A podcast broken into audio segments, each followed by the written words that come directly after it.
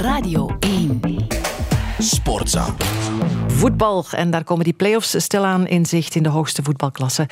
En als ik zeg dat die spannend beloven te worden, dan moeten we misschien toch eerst eens een aantal wedstrijden van het voorbije weekend onder de loep nemen. Peter van den Bemt, goedemorgen. Goedemorgen. Want er is die overwinning voor Club Brugge bij Racing Genk gisteren op het goede moment, denk ik, hè, gezien de recente uitslagen.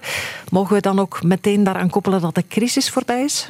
Tijdelijk afgewend toch, hè? want het uh, ondenkbare dat is toch voorkomen, namelijk dat Club Brugge geen top 6 zou halen. En aan het einde van wat toch een echte horrorweek was, met ook die bekeruitschakeling op het veld van Union, is dat toch al heel wat.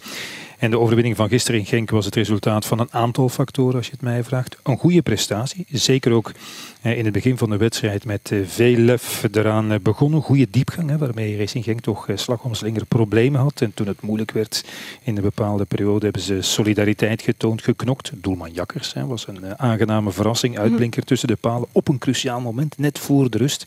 En dit keer anders dan in de voorbije weken toch ook een dosis meeval. De penaltymisser van Tolu, die onbestrafte elleboog van Odoi. Een ronduit onnozele penalty gekregen. Dus voilà, opgeteld maakt dat 0-3. En op het moment dat de boel echt op ontploffen stond, uh, is dat toch uh, wel gekomen. En coach Deila was gisteren de winnaar. Maar het is natuurlijk wel duidelijk dat het geluk maar broos is, bijzonder mhm. broos. Hè. Bij zijn zeer vroege defensieve wissels, wel, die werden niet begrepen door de waarnemers en al zeker niet gesmaakt door de fans, hè, die op dat moment luidkeels om zijn ontslag riepen. Maar goed, mede door beslissingen van de ref, ook omdat Genk niet goed genoeg was, leidde deze keer wel tot een resultaat. En dat is een geweldige opsteker aan de vooravond van Europese duels, hè, waar Club Brugge toch nog wat ijzers in het vuur heeft tegen Molde. Maar om nu te zeggen dat alle leed geleden is en dat Ronnie Deila ineens een winnende trainer is geworden, daarvoor gaan we toch nog een beetje wachten. Oké, doen we. Racing Genk dan komt wel weer in oude schoentjes hè, voor de top 6. Ehm, zij klogen ook opnieuw over de refs. Hadden ze een punt? Ja, zeker wel. Maar coach Wouter Franke had het ook over zijn eigen ploeg, hè, voor alle duidelijkheid. En de manier waarop er alweer niet efficiënt gevoetbald werd, met uiteraard die onvoorstelbaar slappe penalty van Tolu als negatieve uitschieter. En het ronduit slechte seizoen, moeten we intussen toch zeggen, van Genk. Eh, dat hebben de Limburgers toch vooral aan zichzelf te wijten. Dat ongelooflijke gepruts in de zomer in de Europese voorrondes bijvoorbeeld. Een bekernederlaag bij God beter het KVO Stende. Vijf thuiswedstrijden, om er nu maar iets uit te pikken, op veertien gewonnen in de competitie, enzovoort, enzovoort. En dat je dan toch nog altijd in aanmerking komt voor de top 6. Dat heeft er ook mee te maken dat andere betere clubs het ook niet goed doen. En dat vlotte voetbal met veel kansen, dat we zeker de eerste maanden van het seizoen hebben gezien. Ja, in het nieuwe kalenderjaar is dat toch niet zo vaak meer te zien.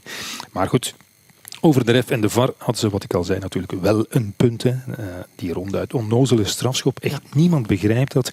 En die elleboog van Odoi, wel, dat hebben de refs gewoon niet goed aangepakt. Want als je inderdaad uh, oordeelt dat hij onvrijwillig is, dat kan. Ja, dan kan de VAR natuurlijk niet tussenkomen, want dat kan alleen bij een rode kaart. Maar je moet als scheidsrechter dan toch zo slim zijn. Als je ziet dat er een verdediger met een bebloede neus staat, laat hij dan gewoon verzorgen, weer zijn plaats innemen vooraleer de corner wordt getrapt. En misschien moet hij eerst van het veld en er dan weer in ik weet het wel volgens het reglement, maar wees een beetje slim. En mhm. zo voorkom je de hele heisa, want hoe je het ook draait of keert, ineens was het 0-2 eh, en was dat toch een beslissend moment in, uh, in de wedstrijd. Ja, en dan krijg je deze situatie. Ja. Um, voor Genk ziet er niet goed uit, maar voor Agent ziet het er misschien zelfs nog slechter uit na die nederlaag op het veld van Standaard.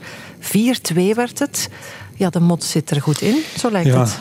Ja, duidelijk wel. Hè. Het, het, straf is dat agent, uh, wat mij betreft, gewoon een zeer degelijke, goede eerste helft speelde. Zelfs met tien was Gent uh, in Luik eigenlijk de betere ploeg. En goed, in de tweede helft heeft het dan zelf de deur wagenwijd opengezet voor een redelijke pandoering.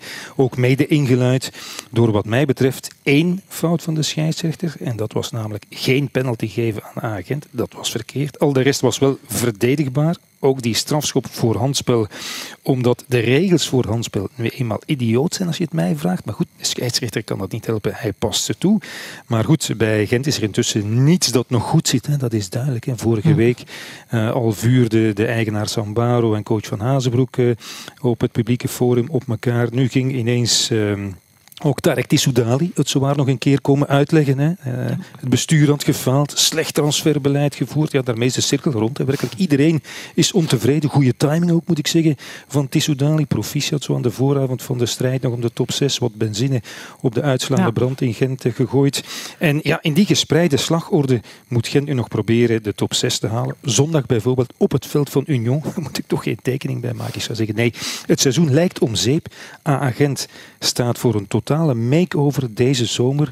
Een hoop nieuwe spelers, een nieuwe trainer en om te beginnen, en wat mij betreft cruciaal, ja, een nieuwe eh, technisch directeur, sportief directeur, nieuwe sportieve baas. En die moet van Sambaro wel de garantie krijgen dat hij vrij kan werken, dat hij de sportieve baas is en niet elke dag van de week nog aan Michel Louagie, die als adviseur in dienst blijft, mhm. verantwoording moet afleggen. Want als dat het geval is, dan gaat een echt goede, sterke persoonlijkheid wellicht niet komen. Nee, die kans is inderdaad niet zo groot. Maar uh, ja, je hebt het aangehaald. Hè. Die laatste speeldagen die zijn nu in zicht. Beloven spannend te worden. Want je zit dan met vier ploegen voor nog twee plaatsen in die top 6. Ja, ja. Want je hebt uiteindelijk ook nog KV Mechelen. Hè, ja. uh, na die overwinning op het veld van Cerkelen. Misschien de de ploeg van 2024 of is dat de straf? Nee, eigenlijk niet. Samen met Union zou je kunnen zeggen. Maar het is toch de comeback van het jaar. Zonder meer. 20 op 24. En dat vaak met voetbal. Dat, anders dat van Cerkelbrugge. Dat weten we. Dat polariseert een beetje. Dat wordt wel geapprecieerd. Mhm. Een paar maanden geleden was KV Mechelen nog een kandidaat voor de playdowns. Dus dat is ronduit geweldig werk van uh, Besnik Hazi. Soms rendeert een trainerslussel echt wel. In dit geval zelfs in extreme mate. En voor de rust bij Cerkelbrugge heeft Mechelen goed gevoetbald. Heel goed. Daarna was het afzien. Maar ja, wat je zegt, die top 6 is ineens realistisch. Hè. Ze spelen nog tegen Westerlo en tegen Leuven. Dus ja, 6 op 6, dat zou best wel kunnen. En als je kijkt naar Cerkelebrugge, oké, nu wel verloren. Charleroi en RWDM, ook ploegen uit de kelder van het klassement. Ze zitten allebei in een goede flow. Echte druk is er niet, al kan het natuurlijk wel zijn dat ze ineens, wanneer ze beseffen dat het kan, die top 6, toch een beetje met een trillende arm, zoals dat in het tennis het geval is, af te rekenen hebben. Dat gaan we moeten zien natuurlijk. Maar als je dat vergelijkt met A-agent, daarnet al geschetst, zondag op Union of Racing Genk, ook niet in een geweldige doen, zondag tegen Standaard, dat ineens gered en bevrijd is. En allebei zitten ze dus niet in een goede flow. Stel je dat maar eens voor. Genk en Gent niet in de top 6, Cerkelbrugge en KV Mechelen wel.